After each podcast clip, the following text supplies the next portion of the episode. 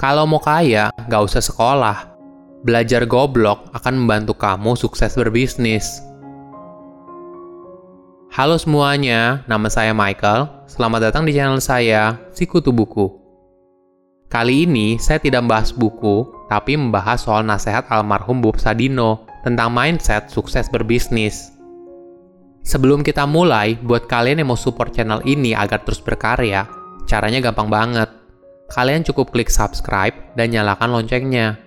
Dukungan kalian membantu banget supaya kita bisa rutin posting dan bersama-sama belajar di channel ini. Bagi yang tidak kenal Bob Sadino, semasa hidupnya dia memiliki gaya yang nyentrik dengan kemeja dan celana jeans pendek. Bukan cuma tampilannya, namanya sendiri juga bukan nama asli. Nama aslinya adalah Bambang Mustari Sadino. Nama Bob muncul dari sebuah akronim bukan orang biasa. Kemudian akhirnya nama itu dipakai hingga akhir hayatnya. Walaupun nyentrik, Bob merupakan pengusaha sukses dari usaha agrobisnis dan supermarket, yaitu jaringan supermarket kelas atas bernama Kemcik, perusahaan daging olahan bernama Kemfood, dan perusahaan khusus ekspor sayur mayur bernama Camp Farm. Bukan hanya soal tampilan, karakternya juga sangat low profile. Bob tidak suka dibilang sukses, bahkan dia sendiri pernah bilang, tidak tahu kata sukses itu apa sih sebenarnya. Bagi dia, hidup seperti itu adalah sebuah kebebasan. Walaupun begitu, kisah hidup Bob telah menginspirasi jutaan orang di Indonesia. Bob lahir dari keluarga yang cukup bahkan kalau dibilang berlebih. Sewaktu dia berumur 19 tahun, orang tuanya meninggal. Bob mewarisi seluruh harta warisan keluarganya karena saudara kandungnya yang berjumlah empat orang lainnya dianggap sudah mapan. Kemudian dia menghabiskan sebagian hartanya untuk keliling dunia. Dalam perjalanan, Bob juga sempat tinggal di Belanda selama 9 tahun. Di sana dia bertemu istrinya dan kemudian menikah. Pada tahun 1967, Bob dan keluarganya kembali ke Indonesia dan membawa dua Mercedes miliknya. Salah satu mobilnya dia jual untuk membeli sebidang tanah di Kemang. Suatu hari, dia keluar dari perusahaan tempatnya bekerja dan memutuskan untuk bekerja secara mandiri. Pekerjaan pertamanya yaitu menyewakan mobil Mercedes miliknya dan dia menjadi supir dari mobil tersebut. Sayangnya, suatu hari mobil itu disewakan dan mengalami kecelakaan yang mengakibatkan rusak parah. Karena tidak punya uang untuk memperbaiki mobilnya, Bob akhirnya bekerja sebagai tukang batu selama hampir setahun. Itu merupakan momen terendah dari hidup Bob. Bahkan, dia sempat depresi akibat tekanan hidup yang dialaminya.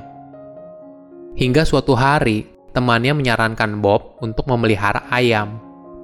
Uniknya, dia baru sadar ada perbedaan antara telur Indonesia dan telur yang dia lihat di Eropa dan Amerika.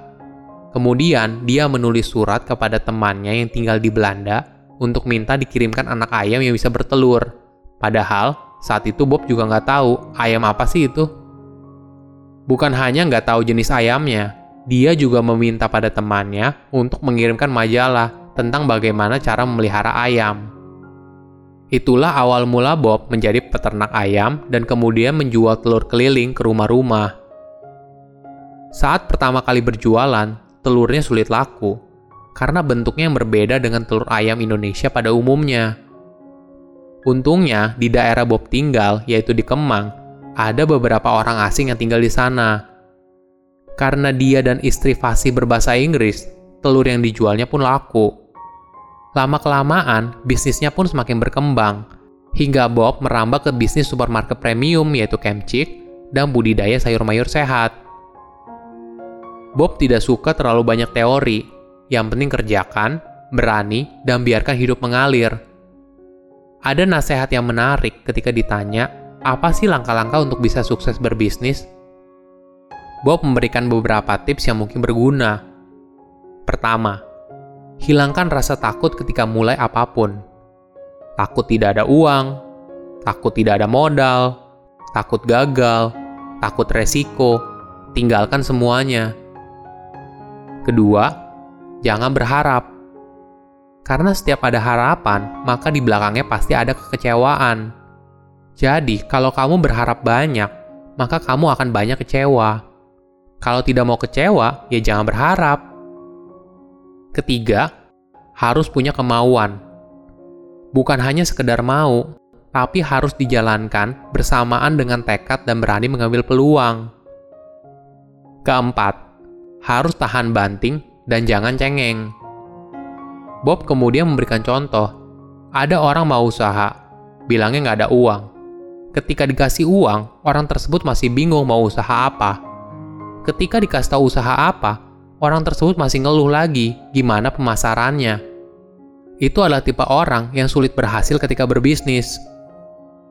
Yang terakhir, jangan lupa bersyukur. Jika kamu bilang kalau hidup kamu susah, banyak orang yang lebih susah dari kamu. Jika kamu bilang kalau kamu kaya, banyak orang yang lebih kaya dari kamu. Di atas langit masih ada langit Itulah alasan kenapa bersyukur itu sangat penting. Selain tips bisnis itu, Bob juga pernah berkata, kalau mau kaya, gak usah sekolah. Tentu saja, pernyataannya jadi kontroversial, apalagi di kalangan akademisi. Hal ini harus dilihat lebih dalam, makna di baliknya. Ada kebijaksanaan di balik kata-kata Bob yang kontroversial. Dia membedakan orang yang sekolah tinggi dan tidak menjadi kampus dan jalanan. Di kampus, seseorang akan dididik dengan banyak teori. Tapi ketika terjun langsung ke masyarakat atau bahasa Bob adalah jalanan, orang tersebut kesulitan. Sedangkan seseorang yang tidak sekolah tinggi sulit mendapatkan pekerjaan. Maka, mau tidak mau orang tersebut pasti akan langsung terjun ke jalanan untuk berbisnis. Nah, jadi bagaimana kalau sudah terlanjur sekolah tinggi, tapi mau pindah jalur ke jalanan, alias berbisnis? Saran dari Bob adalah, kita harus tahu perbedaan antara orang pintar dan orang goblok. Orang pintar kebanyakan ide dan akhirnya tidak ada satupun yang jadi kenyataan. Sedangkan orang goblok cuma punya satu ide dan itu jadi kenyataan. Orang pintar terlalu banyak mikir, akhirnya tidak pernah melangkah. Sedangkan orang goblok gak pernah mikir, yang penting melangkah saja. Orang pintar maunya cepat berhasil, cepat kaya, padahal semua orang tahu kalau itu gak mungkin. Orang goblok cuma punya satu harapan, hari ini bisa makan. Itulah beberapa perbedaan antara orang pintar dan orang goblok. Untuk pindah jalur, yang paling pertama dilakukan adalah buat dirimu jadi orang goblok dulu. Maksudnya apa? kita harus bersedia melepaskan semua kepintaran dan belenggu seperti rasa takut dan harapan, kemudian langsung praktek. Bob memberikan contoh, orang berbisnis cari untung atau cari rugi. Tentu saja semua orang sepakat kalau bisnis itu cari untung. Tapi Bob punya pendapat lain. Kalau dia berbisnis cari rugi. Dia menjelaskan, kalau orang bisnis cari untung, apakah selamanya dia untung? Tentu saja tidak sama halnya ketika orang bisnis cari rugi. Apakah selamanya dia rugi? Tentu saja tidak. Jadi, menurut Bob itu tidak ada bedanya antara orang berbisnis cari untung atau cari rugi. Karena dua hal itu ya sama saja. Bagi kebanyakan orang pasti merasa aneh dari pola pikir itu.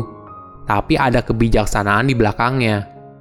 Bob berbisnis cari rugi, sehingga jika dia rugi, dia tetap semangat dan jika untung, maka rasa syukurnya akan bertambah. Setelah menjadi pengusaha sukses, maka dia akan menganggap dirinya sebagai orang yang mandiri. Dia tidak lagi bergantung pada orang lain karena sudah mampu berdiri di atas kakinya sendiri.